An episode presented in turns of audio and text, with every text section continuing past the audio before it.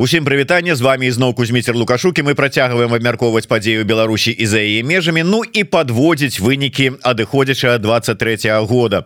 Нягледзячы на тое что э, троху прыхварэўшая наша улюбёная экспертка але э, не змагла э, адмовіць э, і не прыйсці на гэты ну фактычна крайні э, у гэтым годзе эфир але э, что ж э, Дякую вялікі за гэта. І з нами наша э, любимая э, Роза Турарбека Якова добрый день спадарня Роза. Добрый день. Спадарня Роза першым мы такі можа быть штосьці глобальные такія нейкія падзеі будем азначаць я б хацеў можа быть по такой ну інфармацыі не тое что навіна але інфармацыя сённяшняга дня якая там прыляцела. Ну як мы это у двукосі любім. Лукашенко ў чарговы раз там выступаў на нейкай перад навагодняй вечарынь перад навагоднім свяце для дзяцей і ад яго прогучалі словы такія наконт дзяцей что мы вось тут готовыя прымаць і даць такі прытулак любому дзіцяці я асабліва вот хто там с ад войны вымушаны уцякаць і вот на Беларусь.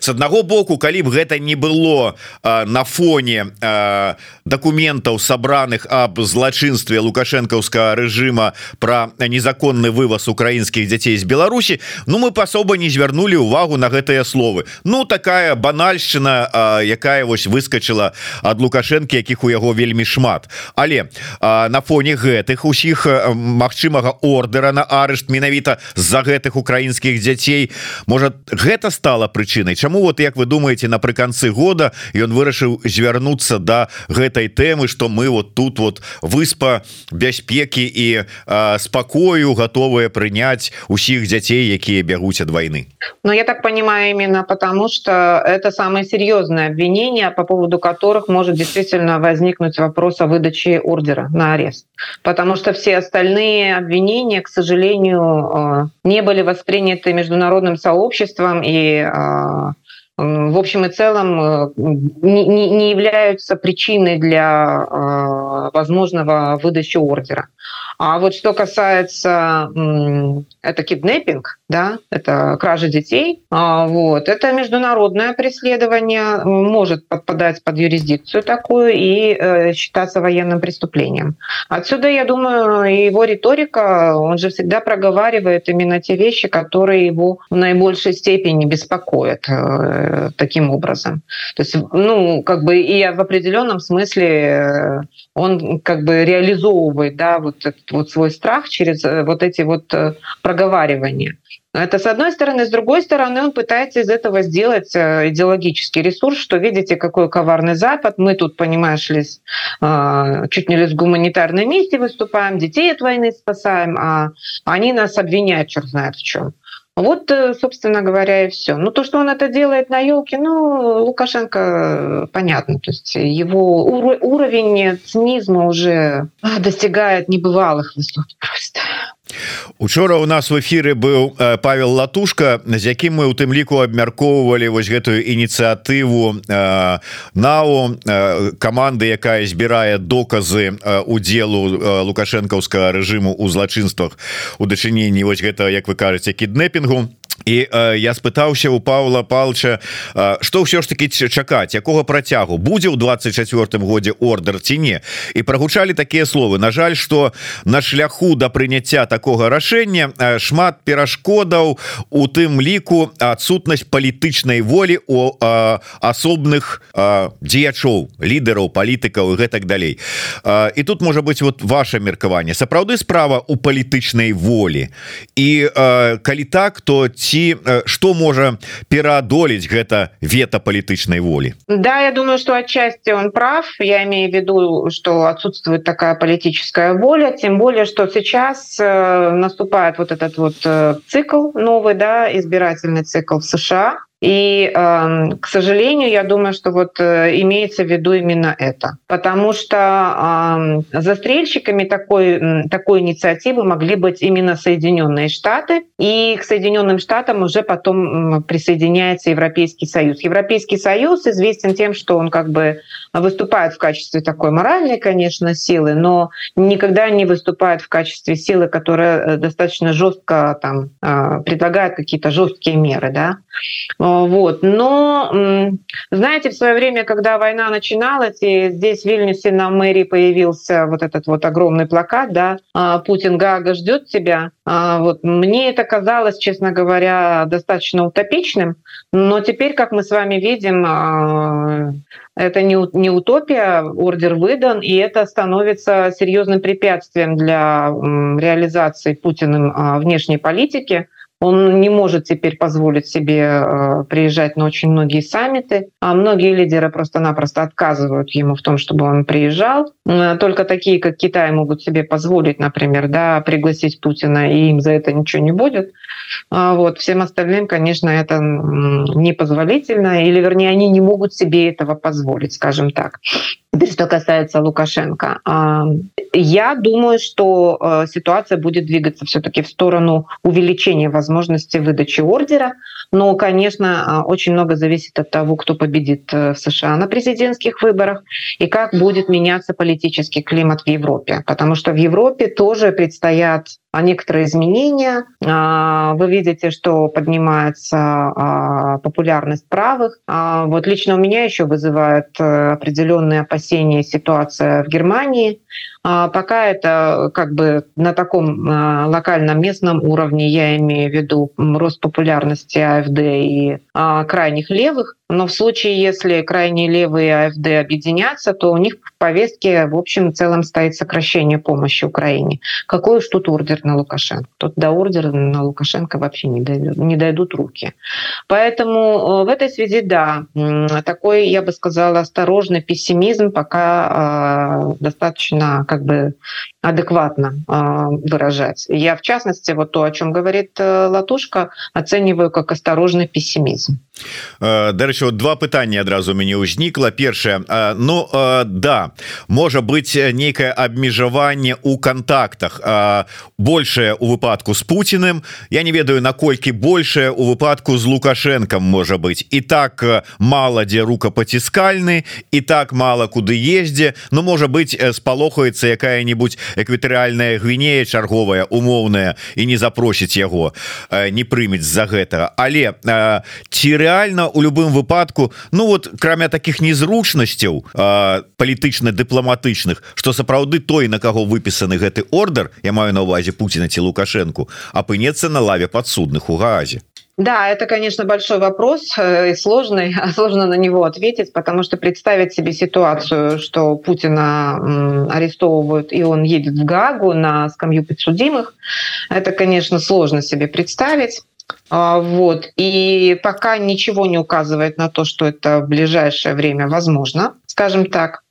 Но вы знаете, я хочу сказать, что за последние четыре года произошло столько всего, что уже ничего исключать нельзя. А то, что э, был выдан этот ордер, э, это не как бы не конъюнктура политическая, это серьезная принципиальная оценка действия Путина. И в отличие от политической конъюнктуры, э, право, оно на то и право, да, что оно должно быть последовательным, поступательным, не как это, как юристы говорят, неотвратимым. И тут уже вопрос, через сколько лет он окажется на скамье подсудимых. А в ближайшие годы вряд ли, но это не означает, что это э, неотвратимо. А, достаточно посмотреть, как ловили Слободана Милошевича. Его же далеко не сразу, если вы помните, да, он далеко не сразу оказался на скамье подсудимых. То же касается всех военных преступников, которые в Югославии. И это касалось не только сербов, это касалось и хорватов в том числе. И не только хорватов. А, в общем и целом, сама по себе постановка этого вопроса именно уже в таком правовом ключе свидетельствует о том, что, скорее всего, это будет реализовано, но вопрос, когда, а, каковы будут условия, контекст для реализации этого. Поэтому это возможно даже может случиться через несколько десятилетий. Вот как. То есть э, суть э, права заключается именно как раз не в том, чтобы политически конъюнктурно сейчас решить вопрос, а в том, чтобы э, э, посадить человека на скамью подсудимых вне зависимости от того, какой, э, каков срок давности этих преступлений. Его преступления не имеют срока давности. Вот в чем дело. Я понимаю, что это крайне слабое утешение сейчас э, для нас и для, например, украинцев. А, вот. Но тем не менее. Я на так э, достаточно а, с осторожным, скажем так, оптимизмом. А, и на память мне приходят очень многие вещи, например, связанные с э, тем, как боролись с рабством, а, вот, как по сей день как бы э, ликвидация вот этих вот последствий рабства. Придется отвечать. В этом как бы суть и смысл моральной силы закона. Если она таковая есть, это моральная сила, я имею в виду в первую очередь, конечно, суды на Западе, в первую очередь, э, в том числе в Гаге. А, я, я уповаю на то, что это все не, неспроста. У меня очень много в этой связи есть исторических примеров, поэтому не могу сказать, наберитесь терпения, может быть, лет через 50, если Путин будет жив, он окажется на скамье подсудимых. Но право неотвратимо, я в это верю. Ну сапраўды будем спадзявацца что усе атрымаюць як у той у Бібліі сказано да по справах сваіх. Давайте закранем яшчэ нашу любимую тэму Китая але с такого боку. Ўсё ж таки мы з вами говорили ўжо про тое что вось гэты геапалітычны шпагат як на якім любіў сядзець лукашенко дэманстрыруючы добрую расцяжку скончылася. Годы і ўсё астатняе расцяжка не тая на одной на одной нозе толькі 10 там у районе Крымля стаіць але а, вот это спробы ўсё там шчыльней засебравацца с Китаем. Ці па выніку прывядуць яны до того что ну здолее Мінск а, ну калі не оседлать китайского дракона то прынамсі схавацца ў ціні яго крылаў там зрабіць его сваім там как бы супрацьвагой вот а, на одной тут а, Москва а тут вот Пекин как бы будзе перацягваць Но в тени дракона, может быть, ему бы хотелось, я думаю, что именно так он и думает. Но проблема заключается в том, в том что дракон-то, э, он потому-то и дракон, что он золото любит, э, если вы помните да, эти, все легенды. А, несет ли Лукашенко золотые яйца э, в Поднебесную или нет? Нет. А, напротив. Пытание хоть якие до Поднебесной донесете, все у нас в России застанутся. Вот и. То есть тут как бы любая аллегория вызывает э, как бы как это громкий гомерический хохот. Вот, поэтому э, мы с вами это обсуждали. Я еще раз повторюсь, что насколько ценен Лукашенко в глазах Пекина, насколько э, как бы он Пекин доверяет обещаниям и заверениям Лукашенко, настолько ему и будет предоставлена возможность скрыться, да, там под крылом у этого дракона, потому что дракон, он на то-то и дракон, что это не, не голубь мира. А, вот. Это совсем другое, как говорится, мифическое создание. Оно эм, питается другим, да, питается в данном случае золотом. А золото, по всей вероятности, здесь не предвидится. А я, я имею в виду, и еще раз повторюсь, обеспечение а, безопасного, стабильного а, транзита грузов, китайских грузов через Беларусь. Конечно, Беларусь будет использоваться там в идеологических целях, тем более, что сейчас в Пекине происходят очень интересные такие идеологические, не то чтобы изменения, изменение, но не трансформация, но развитие определенное, да. А, возможно, что Си Цзиньпиню понадобится какое-то подтверждение а, верного тренда на авторитаризм, и в этом смысле там пример Лукашенко может служить а, каким-то таким примером в Восточной Европе. Но проблема в том, что Лукашенко этому самому Си Цзиньпиню нужен успешный пример. Пример успешного автократа. Например, такого, как Орбан. Вот, кстати говоря, Орбана любят там, приветствует везде, потому что он, несмотря ни на что, он подтверждает своим существованием и своим переизбранием, своей популярностью в Венгрии, он подтверждает вот эту вот э, жизнеспособность авторитаризма.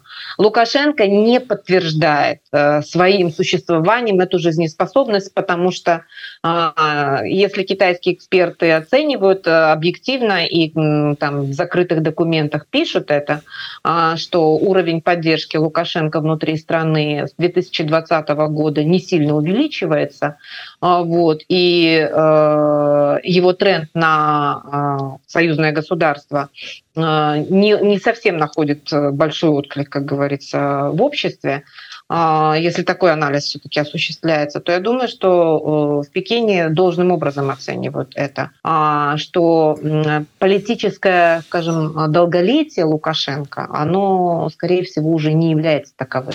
То есть это не долголетие. Э, и счет может идти там на годы. А Пекину, как вы знаете, с его как бы историей древней, его расчеты не на годы, а на десятилетия. Вот они оценивают ситуацию таким образом. Насколько стабильно, насколько э, возможно инвестирование в этого человека, конкретно в эту политическую фигуру. Или пока стоит подождать и посмотреть, что будет дальше. А, а калі казаць агулам про магчымую ролю Китая у 24 годзе не толькі можа быть у тым рэгіёне але увогуле ў свеце. Як яно будзе развівацца? Ці атрымае працяг вот это зараз спроба ўсё ж таки э, наладзіць адносіны паміж ЗША і Китаем? А все зависит опять-таки от того кто придет э, в Белый дом я думаю что у Китая на сегодняшний день серьезная проблема связанная с тем что если приходит снова Трамп вы помните да предыдущее президентство Трампа оно в первую очередь основной как бы целью нападок или как бы торговой войны был именно Китай. И я не думаю, что китайцам интересно было бы, если бы э, Трамп пришел к власти, но это было бы интересно, например, Москве. Вот. Но э, что касается демократической администрации, это все-таки более или менее, э, скажем, такой сценарий, там, как говорит э, э, э, аналитика в Израиле, да, аналитики в Израиле разделяют сценарий на плохой, очень плохой и совсем ужасный. Так вот, для, для Китая э, приход в Белый дом демократов из этих трех сценариев – это сценарий очень плохой, но не самый ужасный. Самый ужасный – это Трамп. Поэтому в этой связи я думаю, что вот тот небольшой баланс, который был достигнут во время последней встречи Байдена и Си Цзиньпиня, это тот, э, я бы сказала, максимум, который возможен, позитивный максимум, да, который возможен на сегодняшний день в отношениях Китая и США. Пока прорывов больших не наблюдается, все замерли в зависимости от того, что э, какая власть будет в Белом доме. Вот в чем дело. Но э, прям так делать ставку на Белый дом я бы тоже не стала. Речь идет в первую очередь о том, э, как на сегодняшний день меняется настроение американской политической элиты в отношении Китая. Я имею в виду в том числе настроение в Сенате и в Конгрессе. А для них все-таки Китай — это враг номер один. Ну, условно враг, да соперник там э, номер один. Россия находится там ну, на втором, если не на третьем месте, на самом деле реально. Вот цікава, калі б, напрыклад, Китай выказаў сваю пазіцыю по падтрымцы Украины ў вайне, Мне падаецца, что гэта б стало аргументам на карысць ну как бы паляпшэнне стаўленне гэта амерыканскага палітыкума да Китая что типа ну вот мы на адным баку хотя б у гэтай ситуации але а, вот а, що ж таки позиция Китая наконт гэтай войны. Апошняя інфармацыя от якая была у японской прессе про 5 гадоў нібыта вот этих вот якія паабяцаў Путин і ну как бы сыходячы з якіх на якія арыентуецца і Пекін гэта можа быть зараз тлумачэннем чаму позиция адносна войны в Украине у Пекіна менавіта такая якая на сёння позиция Пекина в отношении войны в Украине в первую очередь опирается на их представление о том, а, как сегодня складываются международные отношения. Они всегда рассматривали последние десятилетия последние именно десятилетия. Может быть и ранее, но как бы вот сейчас это в большей степени развито. Они рассматривают международные отношения, мировую политику в рамках стратегического треугольника. Под стратегическим треугольником подразумевается США, Россия и Китай. И э, Китаю в этом треугольнике, э, в этой игре важно, чтобы Россия не ослабла, но и не сильно э, как бы усилилась. И самое главное, не допустить сближения Соединенных Штатов с Россией. И в этой связи война в Украине является идеальным а, поводом для того, чтобы поддерживать а, отношения между США и Россией в том состоянии, в котором это выгодно Пекину. То есть на первое место выходит конфронтация между США и Россией, что очень выгодно Китаю, потому что Китай в этой ситуации оказывается той стороной, в дружбе которой заинтересованы обе стороны. Но при этом надо сказать, что американская политическая и экономическая элита, э, крупный бизнес я имею в виду, и политическая элита, на самом деле прекрасно понимает, что настоящим истинным соперником является не Россия, а Китай. И э, вот этот внутренний спор между республиканцами и демократами, с одной стороны, с другой стороны, между трампистами и более, там, скажем, э, умеренными да, э, республиканцами, они как раз крутятся вокруг вот этого треугольника. И э, Trump четко и достаточно грубо обозначил цель. Э, на первом месте это Китай. В первую очередь нам надо э, э, ослабить именно Китай. И в этой связи давайте как бы будем опираться на Россию. Вот из чего исходит. Ну, там, не только из каких-то там симпатий или там глупостей, но вот такая, такая мысль, таков был его выбор. И за ним реально стоит э, достаточно большая часть республиканской партии, и он, в видении которых он выражает таким, ну, не очень, скажем так, политкорректным образом. А вот. И в этой, в этой связи, еще раз повторюсь, а, война а, в Украине является стратегически выгодной Китаю. Поэтому его позиция как бы э, нейтральная, так называемая нейтральная, а на самом деле поддержка России, чтобы она совсем окончательно не упала да, и не проиграла, очень логично. И так и будет. Украина але с таким беларускім аспектам мы выдатна разумеем что зараз Украина ў такой сітуацыі что яна ну как бы не то что спрабуе нешта зрабіць а спрабуе не зрабіць что-небудзь что можа справакаваць лукашенко на больш актыўны удзел у агрэсіі России супраць Украины. І таму такое стаўленне асцярожна насцярожанае не гэта не зробім каб вот раптам что-небудзь тым не менш мы уже ведаем что ўсё больше больш беларускіх прадпрыемстваў задзейнічаны у абслугоўванні расійскага ВПК. Гэта пачынаючы ад банальшчыны типа кансерваў валёнак і ўсяго астатняга да тавараў двойнога прызначэння калі не конкретнага рамонта вайсковай тэхнікі. І вот я зараз читаю заяву упаўнаважанага Верховнай Рады по правам чалавекі чалавека Дмітрия Луб Лубенца які заявіў что мы фиксируем новую системную проблему когда россияне депортируют украинских детей именно через территорию Беларуси. Маўляў Ну вот яны россияне вязуць у Россию але адмыслова праз тэрыторыю Беларуси каб таким чынам заблытаць. Вот усё гэта а пачынаючы от працы прадпры эканомікі беларускай Ну дакладней прамысловасці беларускай на расійскія патрэбы войска да вот гэтай сітуацыі з дзецьмі. Іншыя сітуацыі таксама ёсць. Яны по выніку могуць нейкім чынам змяніць э, э, позицию Украины вот у беларускім пытанні не думаю к сожалению. Я бы думала так может быть еще полгода тому назад но в связи с тем что контрнаступление как вы понимаете не случилось и на сегодняшний день э, всерьез стоит вопрос о том что следующий год будет э, сложным. И дай бог не потерять то не потерять я имею в виду деоккупированные да, территории а дай бог чтобы как бы удержаться на тех позициях которые на сегодняшний день я имею в виду вооруженные силы Украины. Не думаю чтобы это э, этот вопрос стал бы на первое место.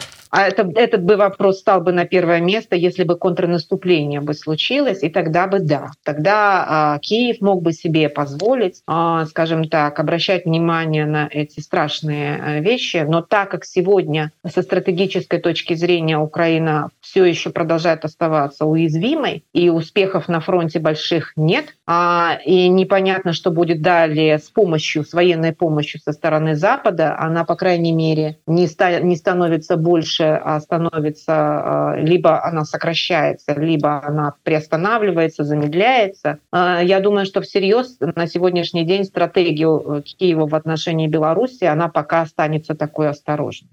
И э, гэта тое ж самае тычыцца адпаведна і дэмакратычных сілаў думаю что да Ну что ж э, таким чынам чакаць нейкага прорыву э, у адносінах не даводится знаете я думаю что прорыв возможен только тогда когда если бы да, много условий во-первых э, демократы сохранять свою позицию в белом доме раз а во-вторых, они разблокируют и продолжают осуществляться массированная помощь Украине военная. Два. А Украина в 2024 году демонстрирует военные достижения, успехи в деоккупации. Три. И выход, например, к морю. Да, то есть ну, фантастический успех. Да, выход, наконец, к морю, да, деоккупация а, территории а, береговой линии окончательная. Да?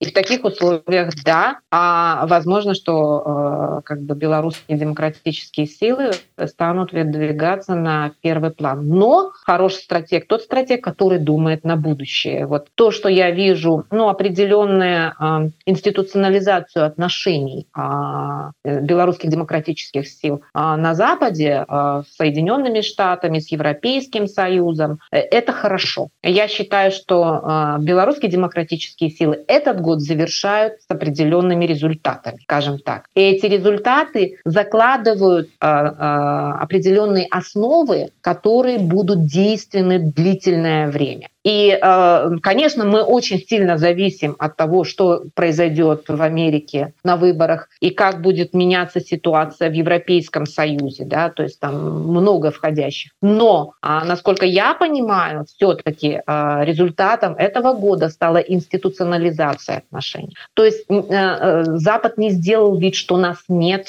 не отвернулся, не, не, не, не стал акцентировать внимание исключительно только на гуманитарной помощи и поддержке. Нет, речь идет об институционализации отношений а, с а, белорусскими демократическими силами. Не только Тихановская, но и ОПК, не только ОПК, но и Координационный совет. В общем и целом, здесь я с осторожным оптимизмом, как говорится, заканчиваю. Давайте до да, демократычных структур мы трошку позднее вернемся вернемся. Я просто яшчэ вярнуся до да ваших словаў про такі рост папулярнасці пэўных таких папулістаў дзесьці можа быть таким нацыяналістычным адценнем і с расійскім душком у Еўропе. Ці сапраўды варта чакаць что вот гэты тренд мы уже маем апроч Орбана які стаў уже можна такой карикатурнай эмблемай заходняга лоббіста расійскіх інтарэсаў маем фіца. Вы зараз скажете про рост популярнасці альтэрнатывы для Германии чым это можа скончыцца? І что это можа азначаць і для Украины і адпаведнай для Беларусі Ну, во-первых, рост э, популярности вот таких, таких сил в первую очередь влечет за собой ужесточение миграционного законодательства. И э, под давлением э, роста э, такого, таких настроений э, в западноевропейских да, странах, в первую очередь в западноевропейских странах, я не беру в данном случае, например, Польшу, это как бы, например, отдельный случай. Э, вот. В, в этой связи может быть ужесточение миграционного законодательства, а мы с вами, я имею в виду э, тех, кто бежал, мы с вами в первую очередь мигранты. И мы здесь по -по попадаем конкретно, я бы сказала так. Это первое. Второе, это вот вот это вот мантра относительно а, сокращения помощи Украине. То Украина государство коррумпированное, что Украина там неизвестно вообще чем занимается, и вообще у нас тут своих проблем полночи, и хватит нам поддерживать эту Украину. Ну, как бы и вот, на, вот такая риторика, она, конечно, нацелена на то, чтобы э, сокращать э, помощь Украине. И если вот под давлением вот этих вот э, вопросов общественное мнение э, так, под, либо поддержит этих популистов, либо вот в связи с этим вот эта повестка будет продвинута а, даже среди э, респектабельных политических партий, да, то, конечно, вот, вот это будет означать снижение помощи, сокращение помощи, а, как это сказать, продлевание а, войны в Украине. И все это, конечно, мы с вами вот об этом говорили, в частности, да, чем это грозит для белорусских демократических сил. Белорусские демократические силы будут отодвинуты на, скажем так, на дальний план. И на первый план будет выдвигаться вот эта стратегия, связан, связанная с э, тем, чтобы вести себя осторожно в отношении Лукашенко. Владимир кисляк как бы патрабуе працягу ваших слоў про как бы ордер Мачымы на арест лукашэнкі вот ну і тут вельмі шмат разважае про тое что после ордера должна отработать группа захвата то есть огромный организационный процесс как в РФ так РБ в диаспоре Ну и далей далей далей по тэксце Ну как бы я отдам у себе спадар Владимир мне вельмі падабаецца ваш баявы баявы настрой нягледзячы на набліжэнне навагодніх святаў. Але вы напишите там у каментах дзе вы скажем у якую харугу зараз запісаліся і адпрацоўваеце свае баявыя навыкі. Ці можа быть вы дзе-нибудь там зараз ужо пайшлі працаваць разам с сахашчыкам ці там яшчэ з якімі-небудзь я не ведаю там баявымі адзінкамі збіраецеся пайсці у беларускі добраахвотніцкі корпус корпус. Ну как бы вот каб ведаць наколькі э, ваше экспертное меркаванне по методах захопу лукашэнкі она адпавядае все ж таки вашим каментарам э, спадарня роза э, давайте процягнем і вернемся до да, дэмакратычных сілаў мы з вами уже говорили на гэтую тэму але можа быть подсумоўваючы як бы вы такі вынік у агульны подвялі з чым прыйшлі до конца года наши дэмакратычныя сілы Прычым я вот не не хотел бы там казаць А вот что там тихохановская зрабіла ці что там кабінет агулам вот дэмакратычныя сілы з чым яны прыйшлі Ну первое я уже э, на, ранее говорила о том что демократические силы белорусские демократические силы первое добились институционализации отношений это большое э, большое дело с Европой и с Соединенными Штатами это первый результат второй результат результат э, не, не, не, не в порядковом значении, да, а такой же важный результат, что белорусские демократические силы а, определились а, со стратегией, в том числе и с точки зрения геополитической. Я имею в виду принятое решение да, о евроинтеграции на конференции «Новая Беларусь».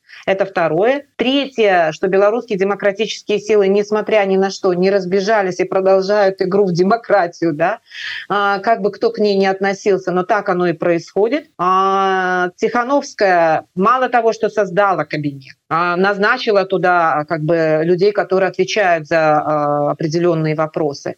Но плюс ко всему прислушалась к тому, что необходимо провести слушание. Кабинет отчитался, а в этой связи даже произошла первая отставка, я имею в виду Азарова. А, я видела, как Светлана Тихановская говорила о том, что она воспринимает это достаточно драматично, я имею в виду раздел байпола на байпол и билпол. Но э, я с исторической точки зрения хочу сказать, что двигаемся мы все равно в правильном направлении. То есть мы продолжаем э, отстраивать институты внутри себя и продолжаем практиковаться в самом главном в демократии. И, э, кстати говоря, очень многое происходит. И я, меня мало кто может заподозрить в том, что я кому-то там отношусь с большим э, пиететом, кому-то с меньшим. Но в данном случае это именно заслуга была э, не только всех демократических сил, но конкретно Тихановской, ее проявлением политической воли. Она это, э, на это дала согласие, она провела кабинет свой через слушание, и она в конечном итоге согласилась э, с решением Координационного совета о том, что Азарову все-таки придется, а, ему было отказано в доверии, ему придется а, уйти в отставку. И это был прецедент. Нам, а, вот, вот эти прецеденты важны. Теперь сейчас принято решение о том, чтобы проводить выборы в Координационный совет. Вы видите, как все это сейчас э, бурно обсуждается со всякими разными, не всегда красивыми да, историями.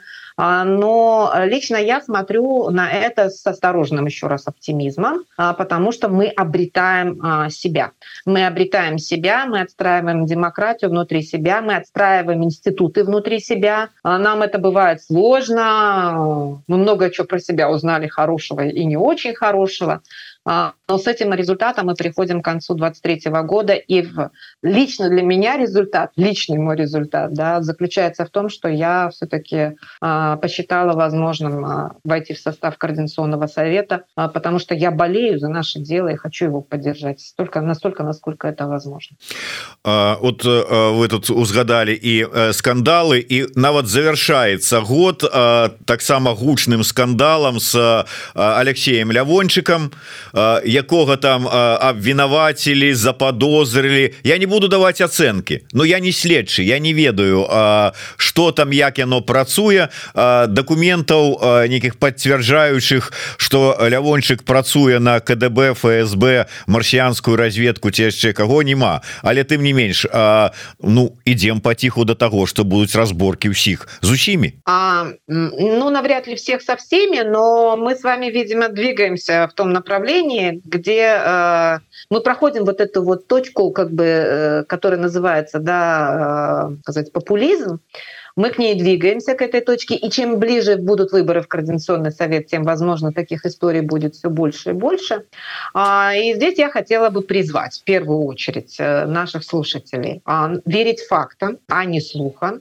Если э, есть достоверные факты, тогда мы можем начинать разговор. Если фактов нет, это клевета. За это, кстати говоря, надо тоже отвечать. Это первое. Второе, что надо включать, все-таки логику. А, если, ну, Ливончик, ну, по послушайте, э, насколько логично то, что он э, является тем, в, ком, в чем там его там обвиняют, там родственников каких-то вспомнили, еще что-то.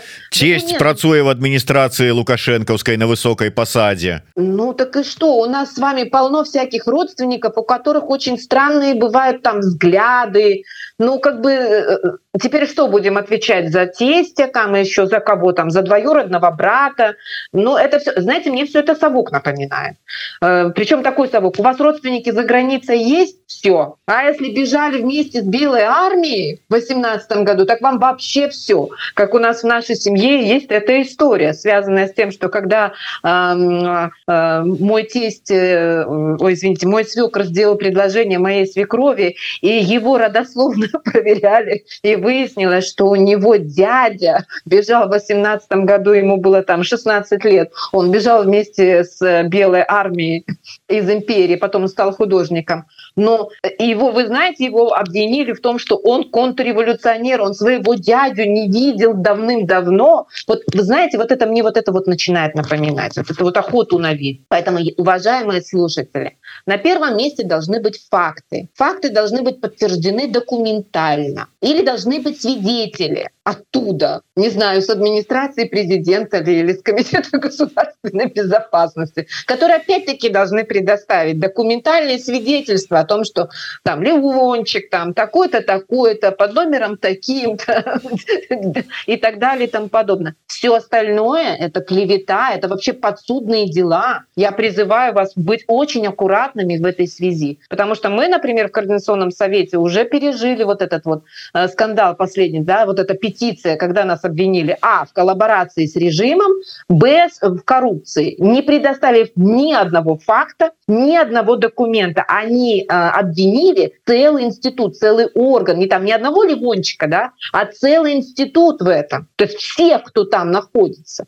Поэтому я призываю вас не поддаваться этим вещам. Э, это, это news, самый настоящий, то, те, о которых говорил, так любил говорить Дональд Трамп. И только после фактов и логики, только после этого делать какие-то умозаключения. Потому что сейчас, конечно, очень много грязи льется, и э, есть э, целенаправленная, то есть таргетировано. Это вот против Координационного совета я считаю, что это просто таргетировано. Здесь очень хорошо читается рука спецслужб. А, вот. а есть как бы ну, выпадковое, да, ну любят у нас люди по привычке, да, вот и может и такое всплыть. И вот и, и начинают писать там гадости еще там, а прическа у нее не такая, а у нее там связи такие, а у него свекр такой, или, ой, вернее, у нее, у нее свекровь такая, или там тесть такой ну, слушайте, уважаемые, ну, это же уровень этих бабулек на лавочке перед подъездом. Ну вот дарэмного зараз так про целого заснавальника и стваральника парка высоких технологий Ну что вы так вот говорите? А документы уважаемого э, главы парка высоких технологий свидетельствующих о том что такой-то такой-то человек является агентом у него есть эти документы? Он их предоставил общественности? Это другое. А, а вот э, наконт обвінавачвання у бок коорднацыйнай рады вы дарэмна так вот ставить э, так вот знаете отмахиваетесь с этого. Там целое э, фото было сліта ў сеть дзе за спиной у одной з сябраў коорднацыйнай рады так и было написано на стене распил Ну да, я тоже могу сейчас что-нибудь. Надо, правда, доску какую-нибудь и написать что-нибудь там, начертить. Это, ну, конечно, ну да, я вам да, да, могу сказать, на заборах тоже много чего пишут всякого. А, але а, давайте, может быть, яшчэ закранем такую тему. А, що ж таки, у наступным годзе, а, што чакае дэмакратычныя сілы? Аб'яднанне, не аб'яднанне, рост сілы, наадварот, падзенне і далейшага даверу рейтингу и всего остатнего это будет зависеть от самих демократических во-первых то как мы сможем пройти через эту кампанию я имею в виду предвыборную выборчую кампанию в координационный совет.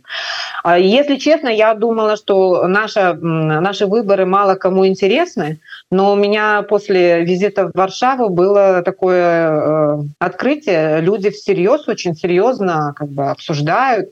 И Э, там каждый выдает свою рекомендацию, как надо провести эти выборы, что лучше делать вот так, а не вот так, там и так далее, и тому подобное.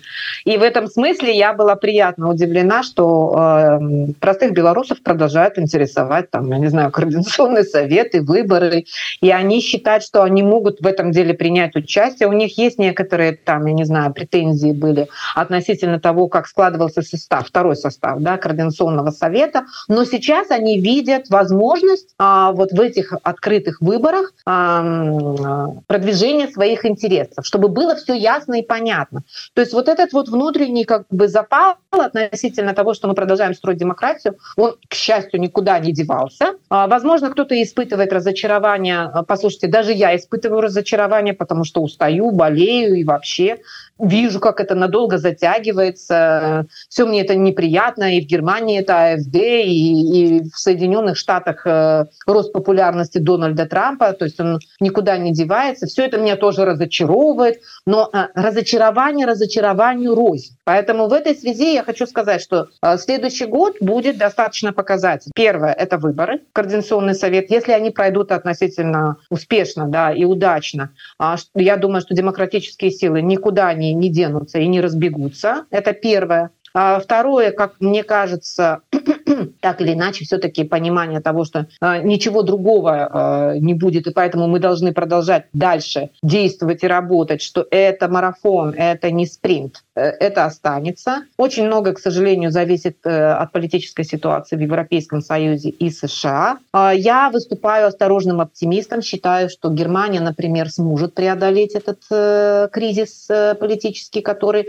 маячит на горизонте. И в этой связи э, я думаю, что, например, объединение руководителей самых основных политических партий, даже тех, которые никогда не объединялись, объединение их против а, угрозы авторитаризма, против таких вот а, сил деструктивных, как АФД, например, да, или крайне левые а, социалисты, я думаю, что они смогут это преодолеть. По крайней мере, а, у меня есть определенные какие-то там, скажем, такие а, новости на низовом местном уровне в Германии, что они между собой договариваются. Я имею в виду ведущие политические партии Германии. И они правильно делают, потому что с радикалами надо бороться. Эти радикалы могут завести черт знает куда. Вот. Ну вот, собственно говоря, и все. Что касается Украины, ну я здесь только уповаю, во-первых, на а, то, что они продолжат получать э, помощь, что этот узел будет развязан э, в Вашингтоне. Это первое. Второе, что они смогут найти в себе силы перестроить и какую-то новую стратегию придумать. А, вот, потому что от ситуации в Украине зависит а, очень многое, в том числе и то, что будет с нами, а, с белорусскими демократическими делами. Ну вот с осторожным оптимизмом я смотрю на 24 год. Так, глядач под ником Травень. Тэрминова выдалите свой комментар. Не полите агентуру демократычных силаў у шэрагах лукашыстаў. Так, пытанне от гледача под ником вожик патриот А что будзе с полком калиновска ці магчымы працяг конструктыўнай працы. Думаю что да.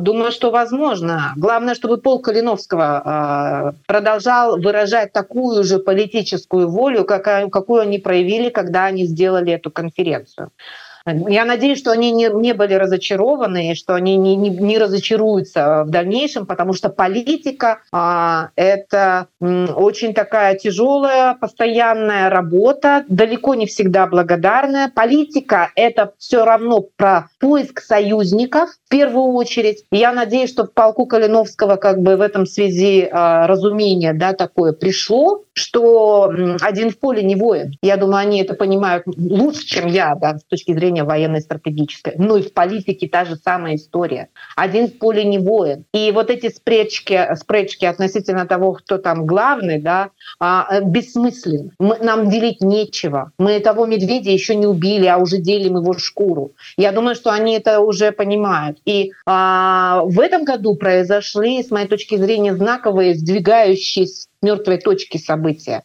Первое это все-таки э, вот эта конференция Калиновского в полка Калиновского в Киеве, где собрались, казалось бы, достаточно непримиримые политические группы оппозиционные. Вместе мы можем называться демократическими силами, да. Вот. И второе, это, конечно, слушание по политзаключенным. И я думаю, вот это слушание по политзаключенным, а они наконец-то помогли нам друг друга понять. Или, по крайней мере, сделали первый шаг в понимании друг друга. Ну, потому что очень много было скрытых вот этих вот, и не только скрытых, достаточно открытых столкновений относительно а, методов освобождения освобождения там, и так далее и тому подобное. То есть это был хороший откровенный разговор. Я вообще за а, хороший откровенный а, разговор с тем, чтобы от него отталкиваясь уже искать э, основу для объединения, скажем так. Потому что разъединение было, и оно было такое и подспудное, и не подспудное, это было видно.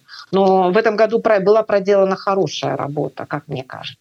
Дарэчы Як вы думаете калі працягнуць эту тэму с палітвязнямі у 24 годзе что-нибудь зрушыцца с гэтай мёртвой кропки я маю на увазе ну как бы там вызвалення я надеюсь что да. Но пока у меня особых рациональных предпосылок так говорить нет может быть, давление Китая, например, все-таки э, подвинет Лукашенко на частичное освобождение, э, освобождение э, небольшой части, небольшой группы политзаключенных. Может быть, может быть, что-то случится, там, я не знаю, в экономике, что окончательно поставит перед Лукашенко вопрос, либо ты освобождаешь, либо ты как бы тонешь, может быть. Но вы знаете, что следующий год будет достаточно большим с точки зрения политического календаря Лукашенко. А, вот, вот посмотрим, что он будет делать. Но он очень упрямый, упертый человек. Он э, освобождает э, людей только в самом крайнем случае под очень железные какие-то там гарантии. И э, вот в свое время история с э, Павлом Шереметом, которую я достаточно, ну, так вот помню и а, по разным рассказам, в том числе и потому, что рассказывал в свое время о нем, об этом процессе освобождения покойный Березовский, а, об этом общении с Лукашенко, меня тогда, для меня это стало э, такой эм, характеристикой Лукашенко вот в такой ситуации. Я не думаю, чтобы он с тех пор стал лучше. Я думаю, что с тех пор, с тех пор он стал опытнее, но то точно не лучше. Тата піша жах у тым что заплётки ніхто яшчэ не панёс адказнасці. Чаму не увесці ў дэмакратычных сілах інстытут э, адказнасці э, за такія паводзіны? Вось дарэчы э, тыя людзі якія петыцыю э, тую складалі узгаданую каарнацыйнай рады яны ж казалі что і зараз следам за Артёмам лядоўскім яны ўсе астатнія выйдуць са складу КС выйшлі? Э, не. Ну і ўвогуле Як вы думаете такі інстытут адказнасці там інстытут бруд рэпутацыі атрымаецца нарэшце ў нейкім чынам увесці я надеюсь для этого есть этический кодекс который был принят координационным советом но к сожалению он не так э, у нас не было случаев возможности его задействовать потому что... я да зараз нават не про а толькі кр а усе вот наши демократычные нашу грамадзянскую супольнасць ну у нас к сожалению как какую ответственность мы можем вести там я не знаю посадить что ли в тюрьму там заявление написать в полицию понимаете это сложно. У нас государства нет мы без государства. Мы в разных странах находимся да под разные юрисдикции. Вот это первое. Э, второе ответственность может выражаться только в одном в том чтобы эти люди э, не допускались в демократические силы. Я имею в виду например вот если выборы будут в координационный совет я надеюсь что за них голосовать не будут там например да что у них сомнительная репутация. Вот э, репутация О, сомнительная репутация. Ну вот вы что э, самые первейшие змагары за чысціню ж э, радоў дэмакратычных сілаў ад всяких вораў раскрадальнікаў і лицемераў коллаборантов еще. да и это да. А они все еще и коллаборанты. коллаборанты. Да мы. Вот э, у нас кстати говоря после в координационном совете после ледовского вышло еще по-моему два или три человека. Ну я точно сейчас не вспомню. Но не все вышли. И по этому списку. Сейчас они это один за другим там сделают заявление но это э, мне кажется если вы сделали ту петицию надо было как бы уже так громко хлопнуть дверью. Но они пока выходят по одному. А, ну, у нас нет возможности, как это сказать, наказывать, да, санкций у нас нет. А вот единственное, чем можно, скажем так, а, призывать к ответу, это при голосовании. То есть э, тогда вы, вы должны помнить, кто эти люди, не голосовать за них. Или а, вот вот в чем э, как бы работает политическая репутация, что человека, который а, избирает своей сферы политическую деятельность, его наказывают таким образом, его просто не избирают избирают он проигрывает. Вот и все это все что все что сейчас возможно. Дарэчы вельмі такая прорыўная тема это выборы у палату прадстаўнікоў. Вы уяўляете якая моцная там збіраецца команда дырэктар бібліятэкі гіген палітычны самелье шпаковскі Ну і іншая больш дробная эліта лукашэнкаўская палітычная. Вот як вам уяўляецца? Вот пойдзе работа у іх зараз по законотворчасці ўсім астатнім стать ну, у них и предыдущий состав э, работал прямо как как это там бешеный принтер да принимая законы один за другим, ущемляя в правах э, граждан Беларуси все больше и больше. Но от этих что там ждать, я не знаю. Я не знаю, что, что они хотят э, там, сделать палату представителей ареной как бы своих политических этих заявлений, придать больше яркости этому, извините меня, органу. Ну, наверное, тогда да, тогда у них вот такая миссия. Там же еще Иван Эйсман Эйсмонт э, туда идет. Но у меня вот тут вопрос. Вот э, Гигин, Эйсмонт, э, Шпаковский, они будут освобождены от должности, если они туда будут избраны или нет? Вот Шпаковский же уже дипломат, а как он, как это он? Он бросит, покинет свою должность или нет? Гигин бросит библиотеку или нет? Вот, например, Эйсмонт, а, Эйсмонт уйдет с БТ или нет? Или они как-то так вот совмещать будут это дело? Ну будут сумяшчаць ведаеце людзі вялікіх талантаў чаму не Ну и извините мы с вами не получим ярких выступлений в палате они будут сидеть в своих кабинетах там я не знаю где-то я ж вот все-таки надеюсь что мы там увидим какую-то публичную политику раз они идут туда там ну понятно гайдукевич ну не, не одним гайдукевичем будет теперь жива палата я пони, я понимаю это так вот но Ой а есть а калі в студы яшчэ азаронак потрапіў вот уяўляете вот э, сошлись вот, вода и пламень да вот такое или там э, что-нибудь цепит этого азаронка сошлось вот что он там чым он там любите рассказывать про что? Что сделал постоянно прот? Вот эти две субстанции сошлись там и вот прекрасно. Есть на что поглядеть. Але давайте что-нибудь э, все ж таки на э, больш э, гигиеничное.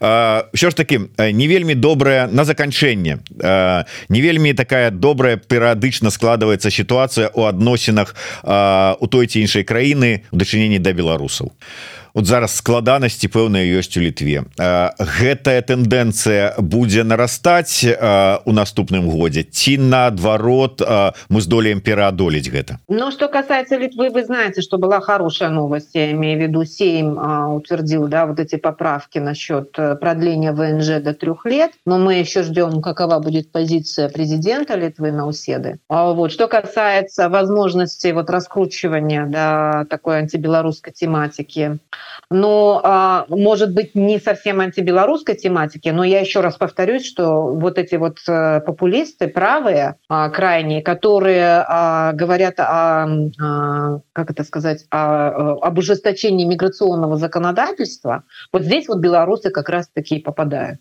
В общем и целом и так была не очень хорошая там ситуация например там Швеции там отказы да например в убежище там больше 90 процентов по-моему вот э, разные ситуации тоже там. В Дании я знаю что ситуация не, не очень хорошая диаспоры ставят эти вопросы.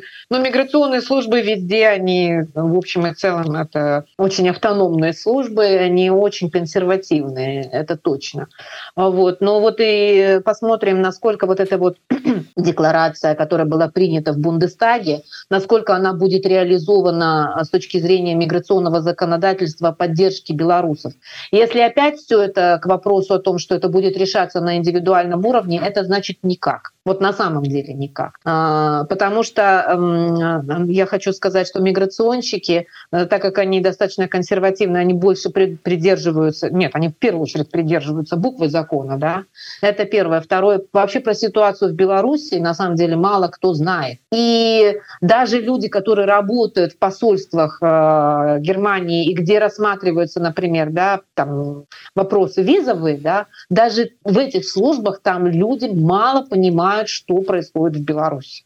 Там я знаю отдельные просто случаи мне ребята там пишут которые пытаются например сейчас получить визу в германии да. Ну в общем и целом уровень уровень понимания а, того какая ужасная политическая ситуация в беларуси ну ниже плинтуса я бы уже сказала так. Вообще мало кто в европе а, знает об этом а, что-либо реально то есть вот это вот э, этот весь ужас в котором сейчас белорусы находятся а, так вот с белорусами и у белорусов остаются. Там польша знает а, литва знает скажем так и то да в латвии может быть там знает. И и все об этом очень мало э, говорят и пишут. И ну и, и собственно говоря это отражается на общем а, уровне такого я бы это назвала невежество потому что мало говорят вот мало говорят о том что происходит сейчас в беларуси? А что в беларуси сейчас фактически гулаг строит? Об этом мало говорят. Поэтому когда мы там с вами друзьям знакомым э, рассказываем или куда-то приезжаем у нас есть такая возможность об этом говорить люди просто в шоке. Молодежь мало что знает кстати говоря. И э, вот это вот к сожалению работает против беларуси Дякую вялікі Ну што ж нягледзячы на э, такія э, не, не заўсёды аптымістычныя прогнозы. Мы ўсё ж таки будем спадзявацца на лепшае у наступным годзе Як кажуць прорвемся дзе наша не пропадала нідзе не пропадала і тут не пропадём. Так что жыве Беларусь і слава Украіне і дзякую вялікі за тое что былі гэты год з намі ў наших эфирах. Роза Турарбекова Зміцер Лукашук. Слухайте глядзіце нас Дякую вялікім да сустрэчы ў наступным годзе